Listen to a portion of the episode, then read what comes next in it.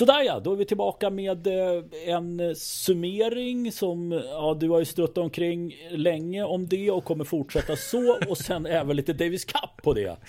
Yes! Uh, vi börjar i Davis Cup-änden så, så tar vi och river av det plåstret. Mm. Förlust Sverige, playoff. Du gör Davis Cup-debut. Ja, det gör jag. Ja, och, och ja, vad, vad, vad, ska jag säga, du som såg då hela matchen. Ja. Om du skulle liksom måla med lite bredare penseldrag. Eh, en match som på förhand kändes som att det var väl eh, knapp favör för Brasilien. Eh, litet favoritskap viktat åt dem, men ändå liksom viss skrällpotential med tanke på underlag och hemmaplan. Eh, men där eh, det, blir en, det blir förlust, mycket på grund av att eh, man förlorar en, en nyckelmatch i dubben som man förlorar väldigt tydligt. Eh, tydligare än vad jag hade trott kanske. Och mm. Eh, eh, sen att Elias Ymer går sönder i en, i en eh, match som han verkligen hade behövt vinna. Jag tror ju att, att det hade blivit förlust i alla fall, även om mm. Elias mm. hade vunnit den. Men likväl, eh, tråkig, tråkig avslutning på den helgen måste jag säga. Ja, eh, och, och, om vi då, som sa, de, de hade ett knappt favoritskap, eh, Brasilien. När jag var inne och, och, tittade, det jag såg, så, så var det ju, det, det kändes inte som att man hade Ja, det kändes inte som att man lyfte sig riktigt. Man, man hade liksom ingenting. Det, inte att de gjorde bort sig, varken Friberg eller Elias Ymer. Eh, Elias gör det han ska på fredagen. Eh, Friberg åker på däng mot Monteiro. Och de spelar ju liksom på två skilda nivåer för det mesta. Mm. Eh, och, och, men, men eh, vad ska man säga, man, man, önskar nästan att de ska överprestera i ett sånt läge. Men jag såg inte tillstymmelsen till det. Det vet man inte, det är klart att det är så här, verkligen nervositetsspratt som kan spela en sån som Friberg och kliva in och spela första matchen där. Men äh, det, det, det var, eh, jag kände mig inte speciellt hoppfull när jag klev in och tittade under fredagen. Ja, men det, det, som man noterade hos Friberg direkt var ju att det faktum att han var ju uppenbart ganska nervös. Han var, var riktigt blek mm. i början på, eh, början på matchen, tappade sin serve där ganska omgående. Och var liksom, han var rätt försiktig. Sen började han ju liksom komma in i det lite mer och mer. Det var ju bara det att tappar du serven så pass tidigt mot en spelare som är rankad så pass mycket högre. Monteiro är ju riktigt stadig pjäs. Eh, mm. Han, han, han, eh, han, släpper ju inte det sen. Sen svajar ju han till i slutet på andra sätt och då har ju Friberg hugg. Han har ju fyra setbollar där. Eh, mm. Och spelar ju ja, men nästan på toppen av sin förmåga. Han gör ju verkligen, verkligen vad han kan. jag kunde väl önskat att han hade tagit sig lite mer in i banan. det fanns betydligt fler lägen att eh, ta, ta sig framåt mot nät. Eh, men mm. han, han förblev ganska stationär där i bakplan. Eh, han, har ju, han har ju ett spel som, han gillar ju att stå vid baslinjen och, och liksom driva på. Men, men, men där, där, om jag flikar in där, så är det, det kan jag se som ett problem just när det är det, att det är så väldigt, det blir så lättläst. Mm. Du står där vid bakplan och en sån som Monteiro, han kan ju stå och bolla i, i fem timmar om det skulle behövas. Ja. Det behövs någonting mer. Sen är det klart att du är, ja, Friberg är uppenbarligen inte så bekväm så att han kliver fram där. Men det är ju någonting och man märker ju det att ja, men Fribergs spel som han då spelar, det håller för en hög future-nivå och liksom på gränsen till Challenger-nivå. Mm. Men för att liksom kliva längre upp, ja men det, det räcker inte det där. Nej, det gör inte det. Ehm, jag, jag skulle säga att, att Friberg på den nivån han spelar, så han, kan, han, han, skulle kunna pika någonstans där Marcus Eriksson gjorde, ungefär precis innanför topp 300. För att han, mm. han, han har ändå, han, han, han har ett bra tillslag och en hygglig serve. Eh, han, slår, han slår ganska hårt och han är liksom hyfsat bollsäker. Men han har ju mm. liksom inte, och det tycker jag blir så oerhört tydligt om man ser Elias kliva in i nästa match, liksom, att, att du har en spelare som har en helt annan variation och touch. Liksom. Alltså, mm. Friberg spelade knappt en volley på hela den där matchen, slog knappt en stoppboll. Alltså du, du mm. måste göra mer än så mot en spelare som, som Monteiro. Eh, som ändå är så pass, så pass svårpasserad. Alltså det, och det får man verkligen ge Monteiro. Han är ju otroligt svår att slå igenom när, när man, ja. man hamnar i baslinjedueller med honom. Och det blev mycket sånt. Det blev nog ett spel som passade brasilianaren väldigt bra i den matchen. Sen svajar serven till lite grann i andra, men, men det reder han ju ut sen. Ja, ja men det är det. Och, och om man ska vara krass så tror jag inte jag har ju svårt att se att Friberg hade fått ett extra lyft även om han hade vunnit det andra sättet och, och liksom fått med sig det in i tredje. Utan då kanske Monteiro hade skakat av sig och skärpt till sig lite grann. Och liksom, ja men det här, det här ska jag vinna. Och så ja. vinner han det med 6-3. Ja men det här är ändå en spelare som har liksom peakat strax utanför topp 60. Som har liksom ja. slagit, slagit Monfils, slagit Songa, slagit eh, Rune så sent som förra hösten. Alltså, ja. alltså det, det, det är en kvalitetsspelare som är liksom precis i gränslandet mellan ATP och Challenger. Det, mm. det, det är en tuff nöt att knäcka. Eh, mm. Och det var ingen som förväntade sig att Friberg skulle göra det och, och, med tanke på förutsättningarna, sina egna, så gör han en helt okej okay match. Alltså han har verkligen ingenting att mm. skämmas mm. för. Eh, men, men det är klart att man ska nog inte sitta här och hoppas på att liksom han ska eh, ta sig upp på den nivån någon gång i framtiden. Det, det, det känns verkligen inte så. Men, men med hans förutsättningar, DC-debut, eh, alltså han, ja, det, det, är helt okej. Okay. Det är helt okej. Okay. Ja, hedersam förlust. Verkligen. Eh, Elias gör ju jobbet sen och det, det, är ju liksom en stabil och det är bra där. Men sen kommer dubbeln mm. och, och, där eh, Ja, du, du, du sa det rätt bra här när vi pratade tidigare. Att, att ja, men det, det, var nivåskillnad. Ja, den var större än vad jag trodde. Eh, tittar man bara rakt upp och ner på en världsranking så, så, så är ju Sverige nästan favorit i, i, kraft av att man har högre rankade spelare. Men det handlar ju om att eh, Meligeni inte spelat dubbel det sista året. Dessförinnan så har han ju varit väldigt framgångsrik tillsammans med just Matos. Däremot mm. så hade ju Göransson plusstatistik på båda brasilianarna inför.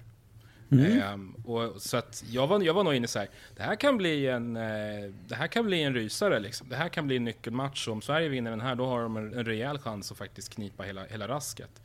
Men mm. det var en, en oväntat stor klasskillnad. Brasilianerna tycker jag var rakt igenom bättre från start till mål. Det var en ruskigt stor klasskillnad.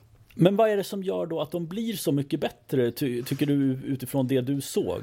Alltså det största, det, det tycker jag att man, man kompletterade varandra väldigt fint i det brasilianska laget. Eh, du har i, i Matos en väldigt renodlad dubbelspecialist som ju mm. behärskar fin... Ja, han, han, han, har väl vunnit Båstad va? Ja, det tror jag han har gjort. Och han har vunnit, jag tror till och med han har vunnit en 500 som bäst och varit inne och pikat topp 30. Och det tycker jag man ser liksom i, i, hans touch. Alltså han, har en, han är ju väldigt duktig i finliret. Alltså det är ingen... Eh, det var ju ingen av de spelarna på banan som var bättre än honom eh, i volleyspelet till exempel och i, och i liksom, men det här nätta lilla spelet. Där är han ju mm. riktigt bra. Sen är ju serven kanske inte jättemärkvärdig. Eh, men han, han kompletterar sig jättefint av Meligeni som ju är en, en bra spelare i singel. Meligeni är ju en, en, en kompetent challenger-spelare. Eh, mm. I... Lite noterbart att han inte spelade singeln på fredagen faktiskt. Ja, jag trodde ju han skulle göra det. Men de, jag gissar att de, de tyckte att de hade ett så bra dubbelpar på förhand att eh, de hade ju också genrepat i en belgisk Challenger veckan innan på hardcourt. Ah. Smart. Eh, så att de hade ju hunnit lira ihop sig lite grann och det hade ju inte Bergvi och Göransson gjort. Och det märktes för att det var en väldigt tydlig ansvarsfördelning. Eh, och, och Meligeni var han, han, är ju stabilare på de längre poängerna och när, när, när, det, blir liksom, när, det blir lite längd i duellerna och mm. mycket crosscourt liksom, då, då, är han, då var han riktigt bra och servade kanon fram till dess att han tappade den precis när de skulle serva hem matchen. Mm. Då darrade han till och det sa ju efteråt till Maria Strandlund Tonsvik att han var, han var nervös. Han blev, han blev plötsligt väldigt nervös där och det, det, det går, väl att, går väl att relatera till kan jag känna. Men eh, men sammantaget så var det, alltså det var en större skillnad på de här två paren än vad jag trodde. Eh, tycker att det finns tendenser hos Bergevi som är, som är lite positiva. Han är ju en hygglig bolltalang, har ju liksom ganska habil variation i spelet. Kanske inte den här, eh, han har inget, inget direkt vapen i sin serve, men kan i alla fall variera den lite grann. Eh, mm. Sen var han, tycker jag, han, han tappade sin serve direkt och var påtagligt nervös i början, kändes det som. Eh, ja. men, men, kom in i det och liksom gick i kapp och förbi Göransson som dels hade problem med sin serve eh, och sen alltså han, han, har ju ett problem i, i serven rent generellt tycker jag, att han har ju egentligen bara en serve. Eh, ja, men det, det, är så, det är så rakt, ja, hans spel. Det är, det är precis, det är noll skruv. Eh, han slår den egentligen bara inåt eller utåt i stort sett samma hastighet. Sen så, sen så är han ju så be, fast bekväm i den att han är ganska aggressiv i sin andra serv. Vilket kan överraska. Han, han kan ju gå för en 175-180 i sin andra serv. Men det är samma serv som kommer hela tiden. Och det dröjde ju inte jättelång tid innan, innan eh, brassarna började läsa den på ett ganska, ganska enkelt sätt. Och, och då fanns det liksom ingen, ingen riktig väg tillbaka egentligen. Nej, men tråkigt. 2-1 Brasilien och sen så kom eh, avgörandet i den fjärde matchen. Eh, och det var ju tråkigt. Eh, Elias och, och Monteiro, ja, har de mötts tidigare förresten? På... Mm. De, inte på hardcore, men de har ju mötts i Båstad två år i rad, 18 och 19. Eh, Oj, ja. eh, Monteiro vann den ena och Elias vann den andra. Och det var på grus och det är ju ett underlag som framförallt Monteiro föredrar. Så att jag kände väl inför att oh, men det här kan, kan Elias nypa. Och han gjorde ett bra första set. Eh, pendlar lite i nivå, lite grann som mot Heide där, att han blandar in en del lite enklare misstag. Eh, sen, sen så har han ju rejält hugg och han har ju, han eh, ska egentligen ta andra set. Men missar några breakchanser och får uppenbara problem med, med axeln i, i den vevan. Och sen finns det liksom ingen väg tillbaka. Eh, Nej. Eh, Så att, nej, och då blir det 3-1 eh, och, det är liksom, vad ska man säga, det är inte överraskande. Man, man, har, man sitter ju och hoppas att de ska överträffa sig själva. De gör inte det. Eh, Och det är ju egentligen så här, man kan, inte, man kan bli besviken på att det inte blir någon liksom playoff mot finalerna. Men realistiskt så är det ju lite så här, ja, men det är ju faktiskt här någonstans vi är. Ja, nej men det, det är ungefär den här nivån som svensk tennis befinner sig. Liksom lite i, möjligtvis i gränslandet mellan högsta och näst högsta divisionen. Eh, man har överpresterat i flera år. Man har drivits av bröderna Ymer som har spelat eh, på toppen av sin förmåga i de här sammanhangen. Eh, drivna förmodligen av att spela tillsammans. Eh, Precis. och, och nu har man tappat det kanske Ja, inte, man har inte bara tappat de, sina eh, eh, två av de tre högst rankade singelspelarna och den absolut högst rankade i, i Micke Ymer, utan man har också tappat det här samspelselementet som gjorde Sverige så farliga. Den här liksom teamkänslan som man uppenbarligen hade. För att man kan säga mycket om, om Mikael Ymer, men jävlar vad han har lyft sig i DC-sammanhang de senaste Ja. åren. Han har gjort enorma insatser, Elias också, men framförallt Micke. Ehm, och, och det har han fått alldeles för lite cred för. Ehm, och, och, och det har ju varit en X-faktor som man inte längre har. Nej. Sen, jag vill bara säga en sista grej. Jag tycker det var Ja. modigt av Simon Aspelin att plocka ut Friberg istället för Leo Borg. Ehm, Ja, alltså inte om man tittar formmässigt det kanske inte är någon Nej, jätte... men jag tänker ur ett kommersiellt perspektiv. Alltså, Mm. det var mycket folk där som säkert ville se Leo spela. Eh, Och jag tror att det är lätt att fastna för den frestelsen och den pressen att, att ta ut honom just av en sån anledning. Att, Mm. att visst, han har, han har spelat lite DC-matcher. Han har ändå konsekvent spelat mot lite namnkunnigare motstånd än vad Friberg har gjort. Men han var ju brutalt underlägsen formmässigt. Eh, Och ska ju naturligtvis inte spela den matchen eh, när Friberg finns som alternativ. Ehm, och det hade ju hänvisade Aspelin till inför att de, Friberg har sett mycket bättre ut på träning. Det var ju, följde ju avgörandet. Ehm, Och Leo har ju inte, ju, tror jag hade fem raka förluster. Så att, ehm, jag tycker det var helt rätt att göra. Och, men men ett, ett modigt val för att det fanns säkert, det finns säkert krafter som he, mycket hellre hade velat se Leo spela den matchen. Ehm, jag tror inte utgången hade blivit annorlunda för det. Det Nej. Leo hade inte slagit, eh, han hade inte slagit Monteiro. Nej, det hade han inte. Det hade han. Nej, det hade han inte gjort. Eh, och då ska jag flika in en Elias Ymer-grej som jag blev uppmärksammad på här idag. Eh, att eh, han är den spelare som är, har varit näst längst på, alltså spelare mellan 100 och 200.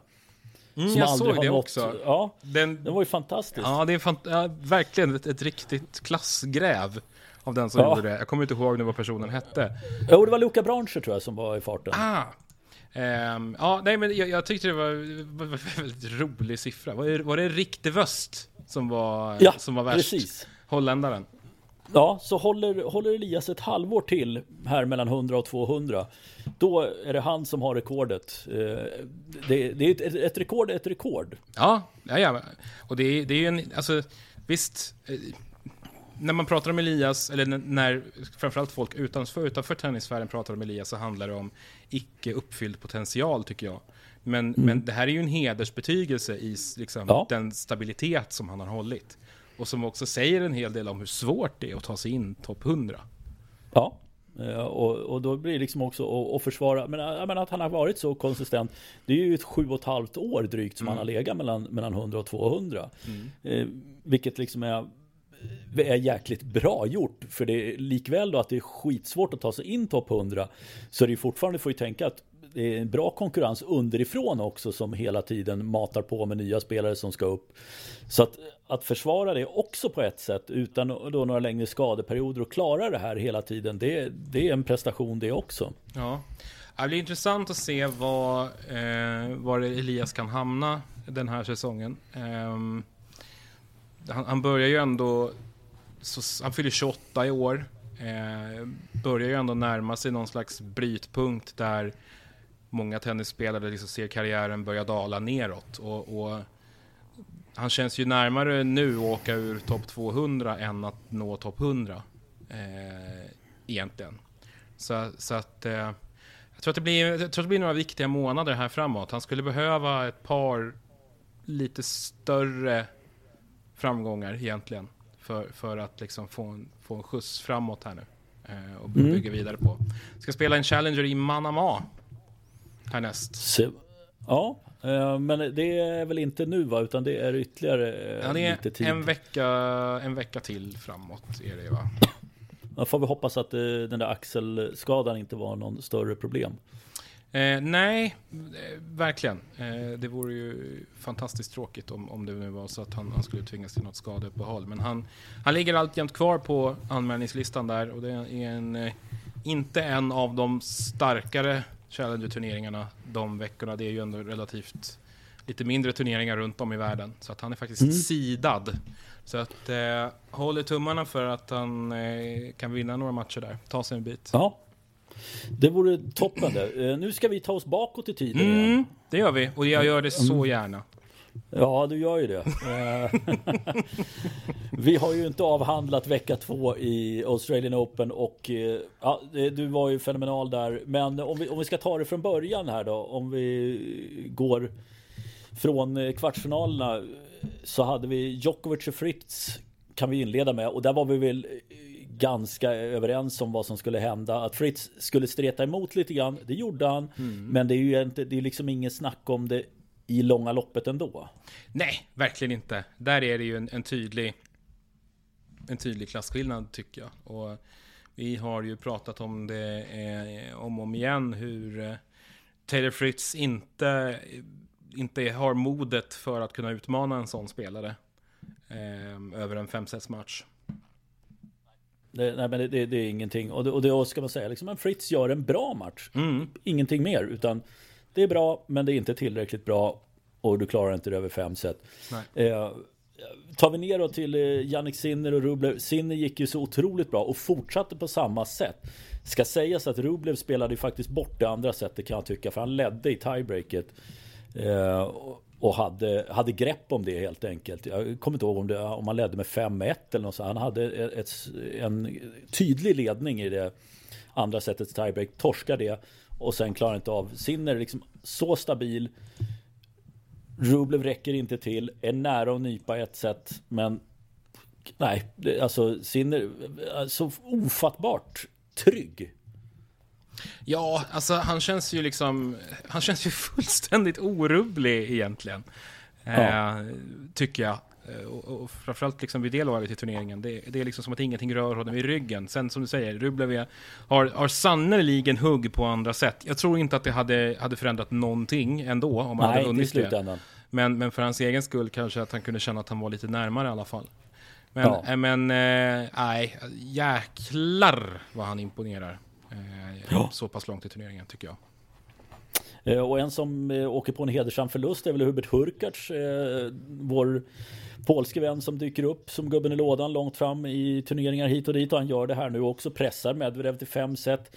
Men lite får man ju lite att det är Medvedevs sätt att förlora två set om jag säger lite slarvigt. Och det är egentligen inte för att ta bort Hurkacz insats.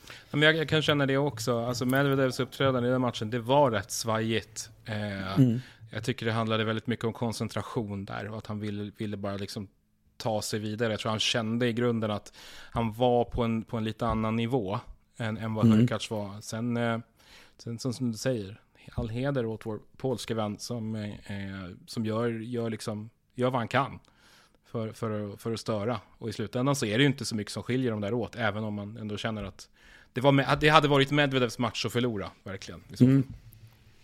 Eh, sen kommer vi till den skallen som faktiskt, om jag ska plocka upp någonting jag hade så var det ju faktiskt att jag petade förbi Zverev. Ja, du gjorde det. Eh, ja.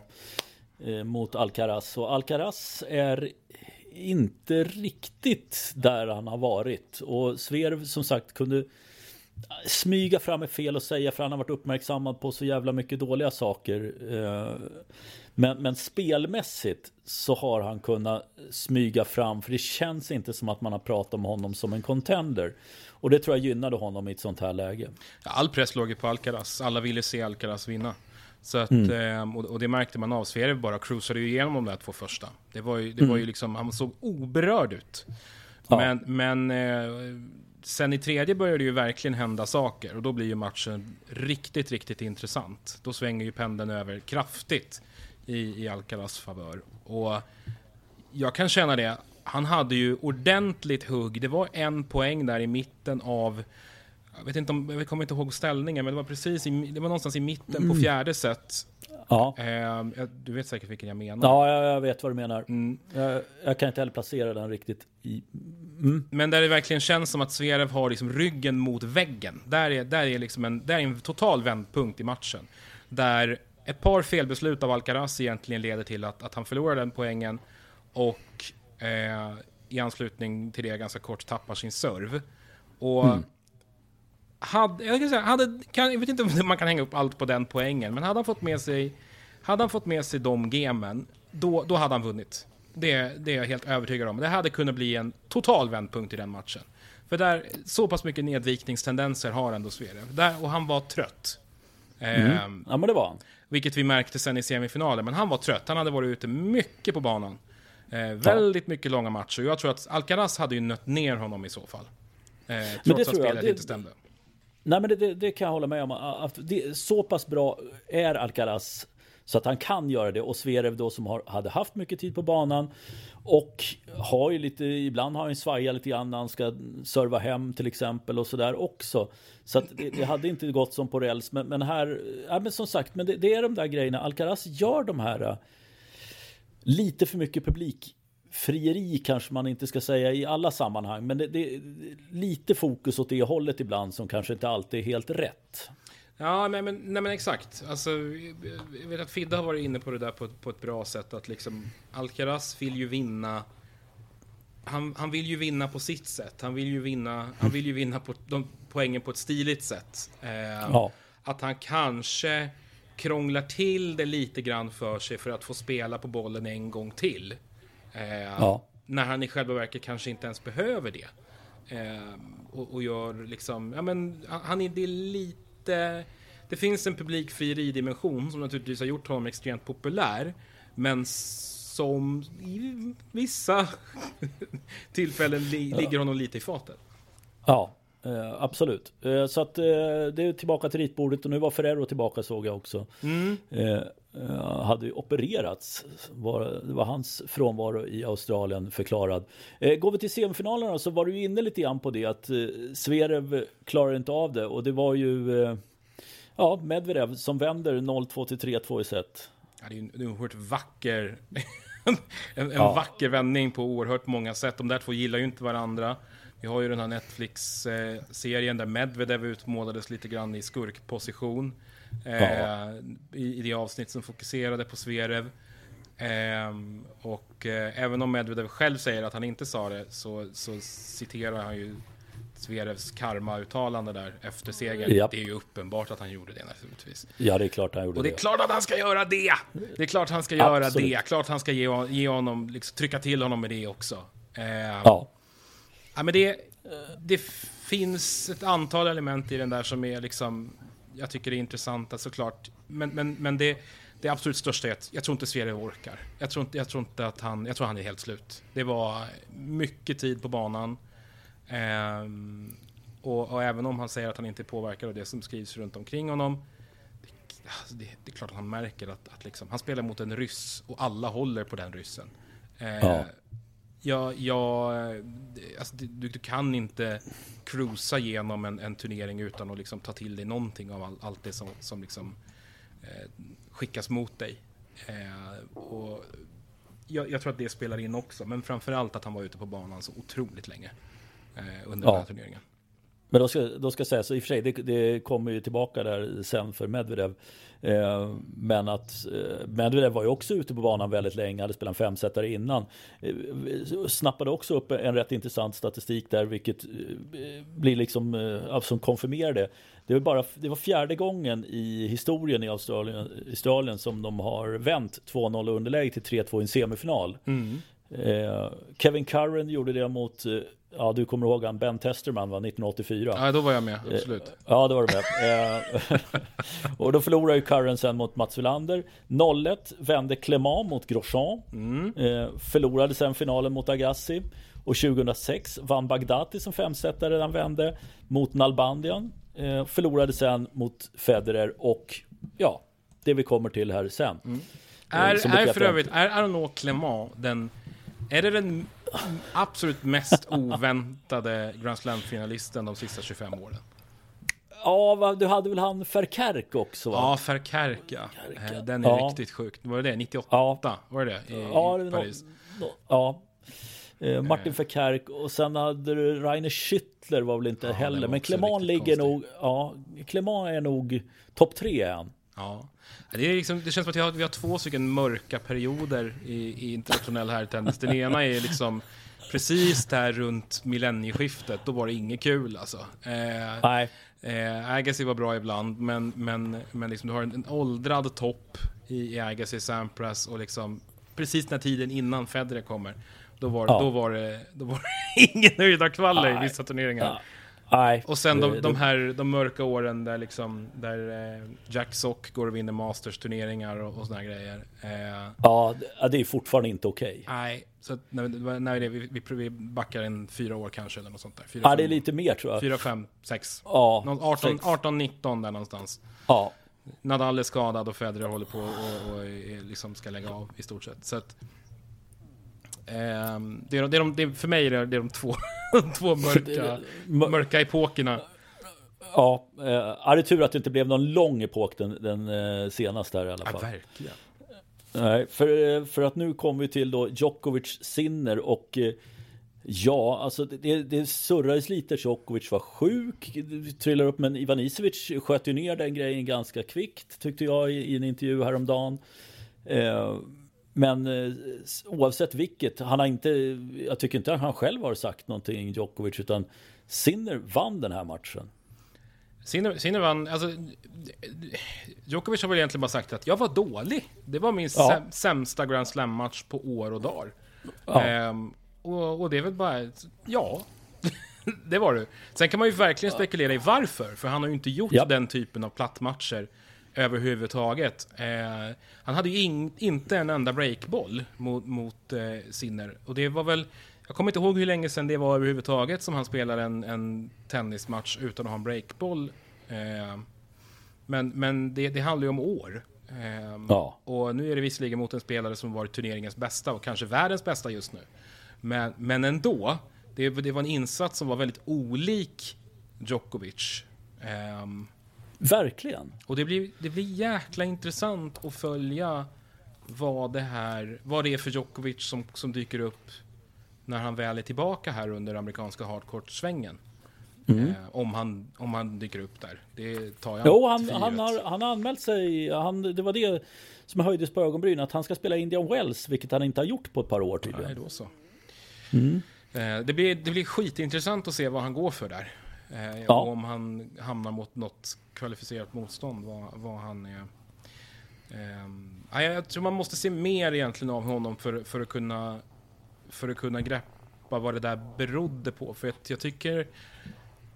Alltså det var en dålig match, men, ja. men hur dålig var den och vad berodde det på? Jäkla Ja, för- svårt att säga. Ja, för det- alltså, det, det är ju samtidigt okej. Han, han gör en dålig match mot ett riktigt bra motstånd. Det är det som är skillnaden. Han har gjort dåliga matcher tidigare också mot sämre motstånd. Men då vinner han ju på att han ändå har liksom, hans lägsta nivå är liksom skyhögt över motståndarens ändå.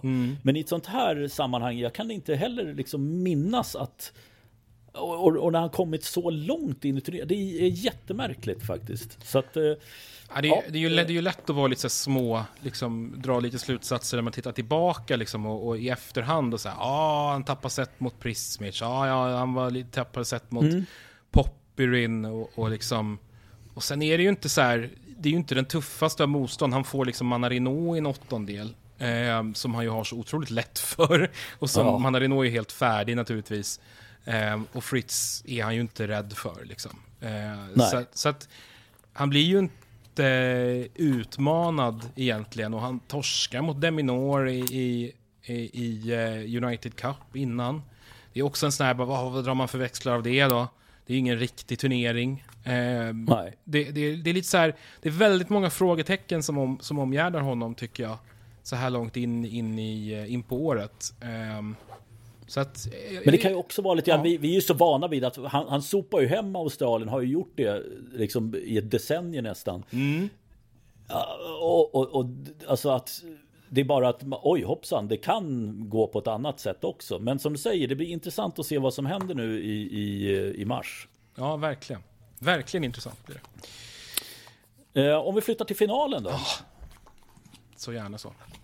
Ja, det, det, ja jag, du leder. Jag Ja, men du hetsade ju mig att och, och, och gå emot och, eh, och, och säga något roligt. Eh, så att jag, jag vill ju ge den här, liksom en, jag vill ju credda dig för det här också. För att jag hade ju kanske varit defensiv annars. Eh, men, men det var ju kul. eh, Ja. att, att, det blev, att det blev så. Eh, och, och jag tycker att det är en sån häftig seger så tillvida att han spelar inte så bra, eh, Sinner, i stora delar av den där matchen. Eh, han, är, han är ganska risig i början. Eh, och är liksom... Ja, men det, det, där, där, var, där tror jag där var det det här nervositet, finalnervositeten lite grann också Ja. som spelar in. Och där har ju med, går ju Medvedev in med en, en enorm fördel som flerfaldig finalist och Grand Slam-vinnare. Ja. Eh, att han har den här rutinen från de här sammanhangen. Och ingen press heller, egentligen. Eh, så att... Nej, nej, jag tror inte, inte mer än den han sätter på sig själv. Men, men inte den där som du säger, den ofantliga pressen utifrån som andra Nadal, Federer och Djokovic framförallt har haft på sig i sådana sammanhang. Nej, exakt. Så att han kan ju naturligtvis inleda mycket mer avslappnat och det syns ju tydligt. Sen, sen- det tar lång tid för Sinner att komma upp någorlunda i nivå. Sen mot slutet tycker jag han, han, han är kanon. Och där tycker jag snarare vi börjar märka på Medvedev, den historik som han tampas mot, att han har liksom haft oturen att ställas mot extremt bra spelare i de här finalerna som han har spelat tidigare. Och, ehm, och, och liksom förlorat dem eh, i, i, i de allra flesta fall. Så att, och sen har han spelat mycket. Han kom från en riktigt tuff semifinal, en riktigt tuff kvartsfinal. Ehm, han, var, han, han hade nog kanske inte riktigt samma ork på slutet som Sinner som ju inte förlorade ett set för en, för en, ehm, Djokovic. för en Djokovic ja, i semifinalen.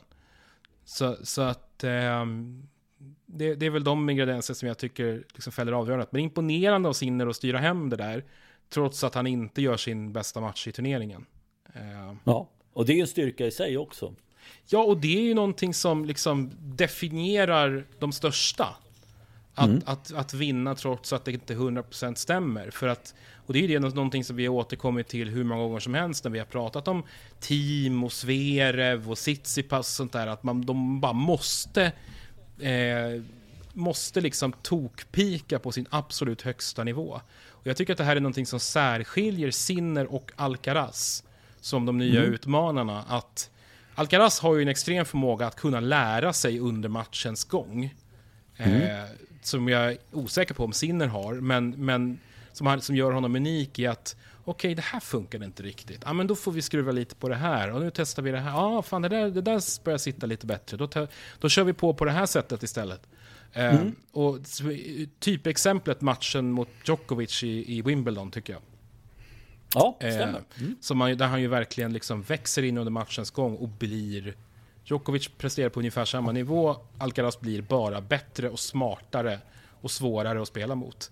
Mm. Um, I det här fallet så tycker, vet jag inte om Sinner har exakt den kvaliteten, men uppenbarligen så kan han vinna Grand Slam-titlar utan att avsluta med sina två bästa matcher i turneringen. Det tycker jag är, det, det är liksom, det, det, är rätt, det är rätt häftigt. Uh, ja. Och, och det, det, det särskiljer ju honom från de andra tycker jag. Ja, men det, det, var en väldigt, väldigt bra beskrivning kan jag tycka också. Att det, det, det, och nu kommer det bli jätteintressant att se hur Sinner kommer att klara av det här.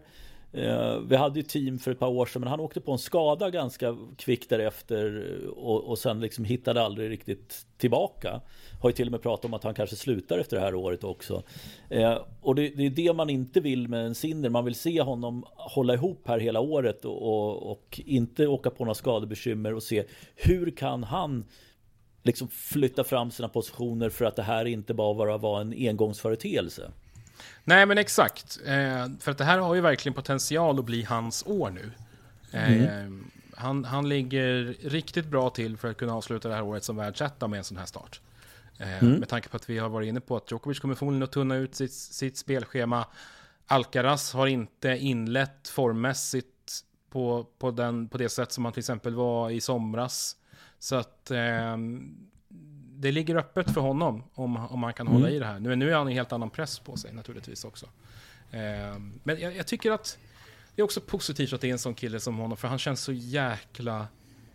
Han, han, han känns så sjukt likable. Alltså det... Jag har fortfarande inte sett någon som verkar ha ett ont ord att säga om den här pojken överhuvudtaget. Eh, det är verkligen översvallande hyllningar från alla håll. Eh, och, och, folk verkar verkligen vara genuint glada för hans skull. Eh, och ja. Alcaraz var ju en av de absolut första att gratulera och bara liksom, det här är den bästa killen på touren. Han är så jävla snäll. Eh, och alla gillar att vara i närheten av honom. Och, ja. och liksom, det är fint och det är fint han står efteråt och säger att liksom, tack till mamma och pappa, jag, jag, jag bestämde mig för att satsa på det här när jag var 13. Och det var ingen som, som tvingade mig till det här eh, och därför tycker jag det är roligt. Det är, det är fantastiskt.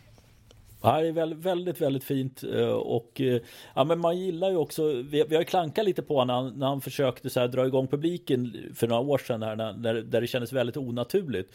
Nu kommer det komma mer naturligt tror jag för att nu kommer publiken liksom vara med honom på ett annat sätt också. Eh, så det, där ska det bli intressant att se hur han agerar för att vissa är ju pajasar eller har lätt att få med publiken, typ Alcaraz, Tiafoe Dimitrov också för den delen. Men det är bara Alcaraz av dem som har visat sig vara en vinnare i slutändan. Om man hårdrar det nu givetvis så att ingen blir arg på, på det. Men, men eh, hur, hur kommer Sinner att han, ja, men han kanske inte behöver vara en sån, för han är inte den personligheten. Samtidigt så har han en ganska avslappnad ton. Jag kollar sociala medier efteråt på honom där det är rätt sköna bilder när han sen tar lite piano och åker i Alperna och åker lite skidor. Mm. Eh, han var väl lite nervös när han stod inför italienska presidenten va? när, ja, allt, annat, när, allt annat vore väl konstigt. Men, eh, ja. Han känns ju som att han verkligen har snabbt avancerat till att bli nationalidol i ja. Italien.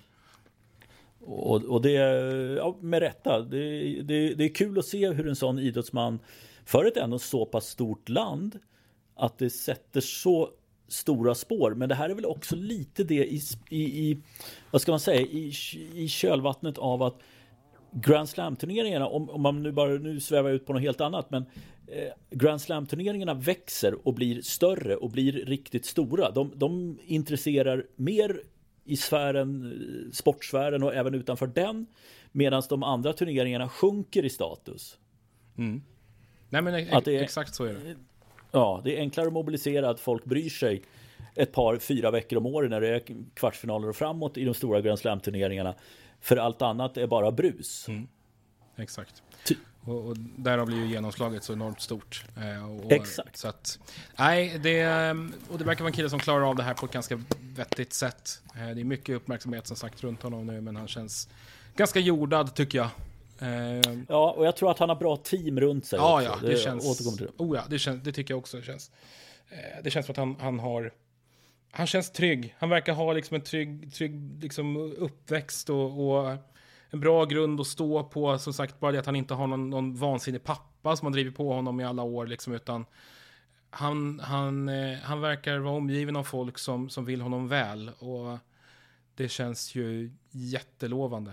Eh, och ja, är bra, bra för alla tror jag, att en sån här kille går och vinner. Ja men verkligen. Eh, vi måste bara flika in en grej apropå vi, vi har ju pratat om Rafael Nadal och hans eh, schema där. Det var ju väldigt intressant tyckte jag när jag råkade snappa upp det. Att han ska spela en jäkla massa turneringar här i, i vår. Och jag förstår inte hur det ens ska vara möjligt. Nej, det där kommer bli väldigt intressant att, att följa. Han har ju också inlett någon form av ambassadörskap med eh, det saudiska tennisförbundet. Vilket ja. ju är en eh, besvikelse naturligtvis. Eh, ja. Att en, en så pass eh, person som har gjort sig känd för att ta så pass mycket bra beslut i livet inte eh, känner att han kan avstå den typen av pengar. Men så är det. Eh, ja. Och det är väl någon slags jätteshowdown här nu som kommer på, i Riyadh med... Eh, ja, i ja, oktober var det. Ja. Då, då han och, och Sinner också tror jag skulle vara med och, och lira. Det är vad det är. Jättetråkigt. Men eh, ja. han dyker upp i Doha här om två veckor till att börja med. Tror jag. Ja, och sen precis. även i Indian Wells. Eh, och sen så grusschemat var ju fullt där. Det, det, var ju Barcelona och det var Madrid och det var Rom. Och då undrar man ju, ja, det, det, ska bli väldigt intressant. Jag har ju väldigt svårt att se att han kommer spela alla de turneringarna. Det har jag också. Verkligen, med tanke på hur den här säsongen började. Så att, nej, lycka till. Men jag, det, det känns avlägset. Ja men det gör ju det. Eh, avlägset kanske inte vår nästa podd är, men, men vi, vi stoppar här för att vi, har, vi håller på att ha vridit lite grann så vi har lite nya tankar här som det, ja, du har fått koka ihop våra tankar. ja, men jag ska försöka och, och, och klä i ord vad vi, har, vad vi har tänkt göra. Så här. Eh, det absolut, absolut viktigaste som vi vill trycka på är att den här podden kommer att fortsätta som den har gjort. Vi kommer att komma ut med ett avsnitt här och där när tennispulsen är som hetast. Eh, det vill säga eh, runt Grand Slams och eh, ATP-slutspel, svenska turneringar och så vidare. Det kommer att bli ett antal avsnitt varje år på samma sätt som det har blivit nu. Men eh, vi har haft diskussioner fram och tillbaka eh, under väldigt lång tid om, om, liksom vi känner, om vi ska göra fler avsnitt, om vi ska, om vi ska liksom vinkla innehållet på något annat sätt. Men det man ska komma ihåg med att med den här podden så vi har ingen reklam och vi har eh, det här är någonting som vi gör på vår fritid egentligen för att vi tycker att det är kul. Eh, och då känner vi att, att, för att vi ska kunna lägga ner eh, tiden och, och, skapa ännu mer tennisinnehåll så eh, kommer vi behöva göra det på ett annat sätt. Så parallellt med den här podden så kommer det att startas en separat feed eh, med eh, specialavsnitt. Ehm, det kan vara lite fler nedslag runt ATP-touren. Det kan vara intervjuer med gäster. Ehm, det kan vara temaavsnitt på någon speciell spelare, turnering eller årtal eller händelse. Ehm, och den kommer att dyka upp i en separat feed. Och vill man lyssna på ett sånt avsnitt, då kommer man att eh, betala en liten summa för det. Och vi kommer att lägga upp det på så, så tillvida att eh, vill man, hittar man ett avsnitt som man lyssnar för, vill lyssna på så betalar man separat för det avsnittet. Ehm, och på så vis så kan, eh, kan, vi, kan det hända att vi skickar ut flera stycken avsnitt under en månad till exempel och ibland kanske det dyker upp ett lite längre innehåll. Men det, det, kontentan är i alla fall att vi kommer att starta en separat poddfeed. Det kommer fortfarande vara ett samtal om tennis, men ett lite annorlunda samtal om tennis. Och det, det kommer att eh, hamna bakom så kallad betalvägg. Men den här podden kommer att fortsätta på samma sätt som den alltid har gjort. Ja men visst, så att eh, både dubbel glädje. Ja, så är det. Ja. Eh, då får ni vara beredda på ännu ett samtal om tennis alltså. Eh, men eh, stort tack för er idag Henrik. Tack detsamma. Och grattis. Ja, tack så mycket. Det blir din tur nästa ja. gång. Vi hörs. Hej. Hej.